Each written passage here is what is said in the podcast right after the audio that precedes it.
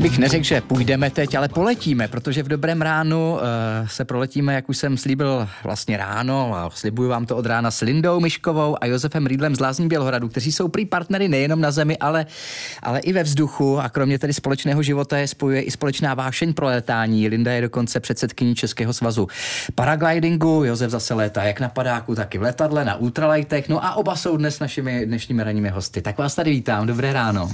Dobré ráno. Dobrý. No tak když jste si naposledy zalítali, uh, jestli se lítá i teď uh, na paraglidu i v zimě, to asi moc ne, ne? Nebo jo? No na paraglidu se lítá v zimě, ale ne v našich uh, zemských šířkách, ale spousta je českých padáčkářů kolegů odlítá do Kolumbie, Brazílie a těchhle z těch terénů, který se teď otevřeli vlastně a můžou lítat celý rok. Takže když se vás zeptám, kdy naposledy jste letěli, tak já tak před půl rokem. Před půl rokem.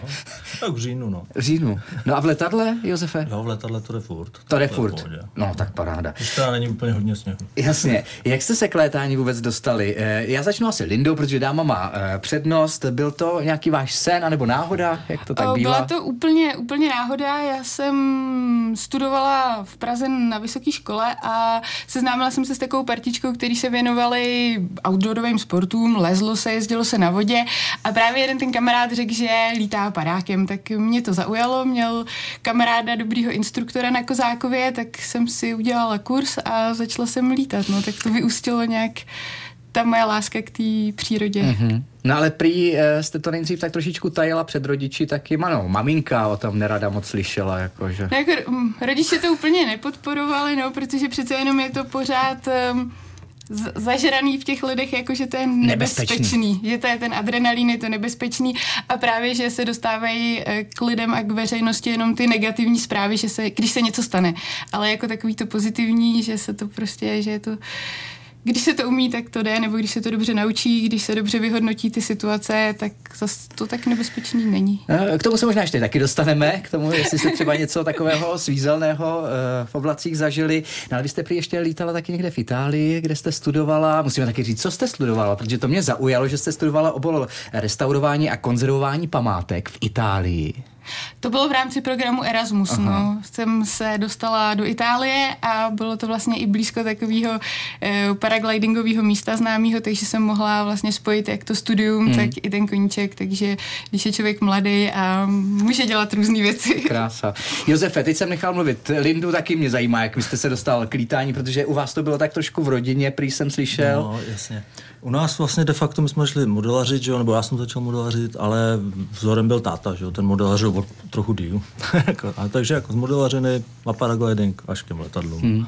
No ale prý pan Munzar, taky známý to herec, eh, vás... To, to není pan Munzar tenhle. To není, to není jiný. Ne, ne, to je to jiný je, teda. To je tam místní Aha. právě z naší, z naší obce. Ale pa, tak já jsem si to povedl, že pan Munzar taky měl Ten lítal, no jasně, toho známe z Vrchlabí, že on tam byl jako hodně působil. Tak jako... já myslím, že to byl on a on to bude jiný. Ne, ne, to je jiný, to je paraglidista právě. Aha.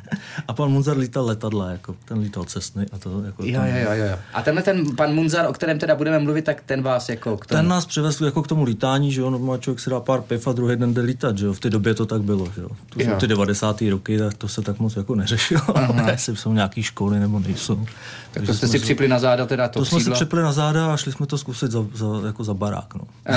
to bylo fajn. Ne, ale to je taky pěkný, že se vlastně dá eh, létat za barákem, protože vy se vlastně, vy potřebujete kopec jenom k tomu? No. Rozeběhnete se? My potřebujeme kopec, vlastně my máme s tím barákem buď to brtev, to je jako, jako místní loučka, nebo pak jezdíme na Zvyčinu. Jo. No, tak tam, Zvyčina tam je, je prostě ráj kopec. takový náš. to je krásný kopec. Ne, to já jsem se taky chtěl zeptat, kde to je jako nejhezčí z té no. výšky, protože eh, když se člověk tak jako uh, podívá na nějaké třeba letecké nebo fotografické snímky, tak vlastně zjistí, že, že, že, že ta malebná místa, která známe normálně z placky tady u nás třeba v Královéhradeckém kraji, vypadají úplně jinak z toho vzduchu a taky no, fantasticky. No, přesně tak a hlavně tak eh, člověk byl jako různě lítat jako na různých jako kopcích, ale ta zvětšina je prostě za barákem, to je furt nejlepší. Mm. Že no?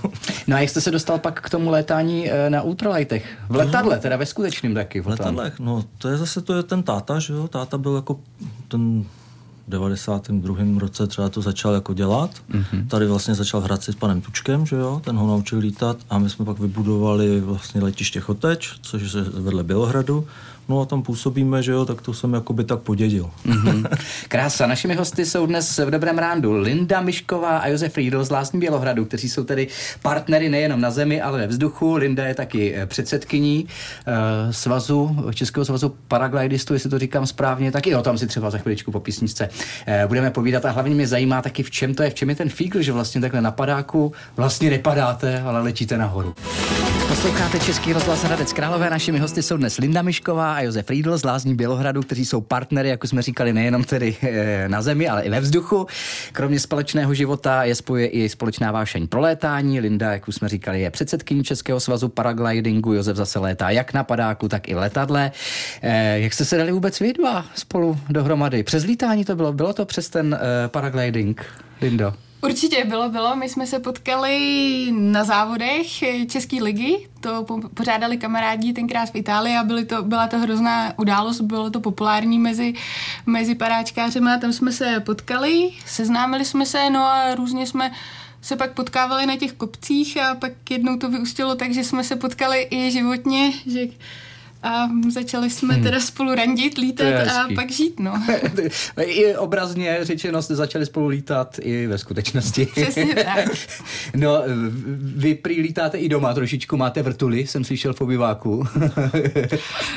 to Pepa, Pepa to dostal, byl to dárek a konečně se nám teď v rámci rekonstrukce podařilo najít takový důstojný místo pro tu vrtuli, protože to není úplně jako žádná malá vrtule, má tu dílku asi tak 2,5 metru, takže tohle Hezky. Tohle, tohle dát do obýváku je taky zajímavý to vymyslet. No, eh, pojďme říct něco o tom paraglidingu jako takovém, protože já jsem viděl startovat třeba na horách nebo v Alpách, když jsme byli paraglidisty a tak mě to jako zaujalo se dívat na to, jak takhle seběhnou takový můstek, by se dalo říct, skokanský a ono je to hned nakopne a vznese vlastně eh, se, nebo ten paraglidista se vznese nahoru do toho vzduchu, nikoli v dolů, jako na padáku. Jak je to možné?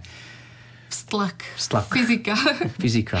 Eh, paraglide je vlastně takový křídlo, který si složíte do baťušku. Má to profil, jako má pevný křídlo letadla, takže tam funguje prostě ten vztlak a využíváte stoupavý teplý proudy, který stoupají nahoru a snažíte se udržet ve vzduchu co nejdíl. Takže byste ale taky takový hledači, bych řekl, těch stoupavých proudů, ne? Přesně tak, je to, je to, to musíte umět číst terén, musíte umět vědět, kde se tvoří mraky, kde právě ten teplý vzduch stoupá vzhůru. Takže když tam jsou mraky, tak tam je ten stoupák? No je a někdy se třeba ty mraky už rozpadají, tak tam zase není. Je to taková alchymie, meteorologie, Jasně. náhoda, štěstí. E, e, stala se někdy nějaká taková ta svízelná situace, která se občas stává v tom vzduchu? My už jsme se o tom bavili, kdy vám třeba nebylo zrovna eh, do zpěvu a do úsměvu, ale vy jste ji samozřejmě díky e, svým zkušenostem dokázali vyřešit. Stává se to občas? Stává se to, stává. No, Stává maximálně člověk pak odletí vrtulníkem. No. ne, to je jenom obrazně, ale samozřejmě, že člověk si vyrobí problém sám, mm-hmm. že se někde říká, tam to bude a ono to tam není a už není kam pak pokračovat. A je to tak většinou, že si za to člověk fakt může sám? Jo, jako je to dvě třetiny, jako, nebo 10% je, jako, je náhoda. Mm-hmm. Jo, ale většinou si to člověk vyrobí sám dopředu, akorát, že se na něco nesoustředí a pak už to je pozdě. Jaká vůbec cesta vlastně vede k tomu, aby člověk mohl takhle létat třeba uh, s tím křídlem, s tím paraglidingem? Co všechno musíme splnit a kolik nám taky musí být let? Minimální věková hranice je 15 let, ale tam to musí samozřejmě odsouhlasit rodiče, takže musíte mít uh, pochop, uh, chápající rodiče mm, a pak můžete začít od 15 anebo prostě od 18 zajdete do školy, najdete si instruktora nebo nějakou školu Eh, absolvujete týdenní kurz, eh, oni vám půjčí výbavu, všechno, všechno vám vysvětlejí, takže vy ze začátku třeba investujete jenom do toho kurzu a když se rozhodnete, že to není pro vás, tak nemusíte si nic kupovat vlastního, ta škola vám to většinou půjčí. No a když se rozhodnete, že budete pokračovat, tak si pořídíte výbavu. Třeba i ty školy teď dělají různé výlety, pokračující kurzy, Eh, díky sociálním sítím se můžete na, nakontaktovat na nějaký partičky, co dělají právě výlety na terény, poradí vám s počasím. Je to dneska už docela rozšířený hmm. sport, takže opravdu kdo chce, tak eh, se může jako chytit a když tomu věnujete čas, tak se stanete jako dobrým. No. Hmm, jasně. E, co vás na tom nejvíc baví?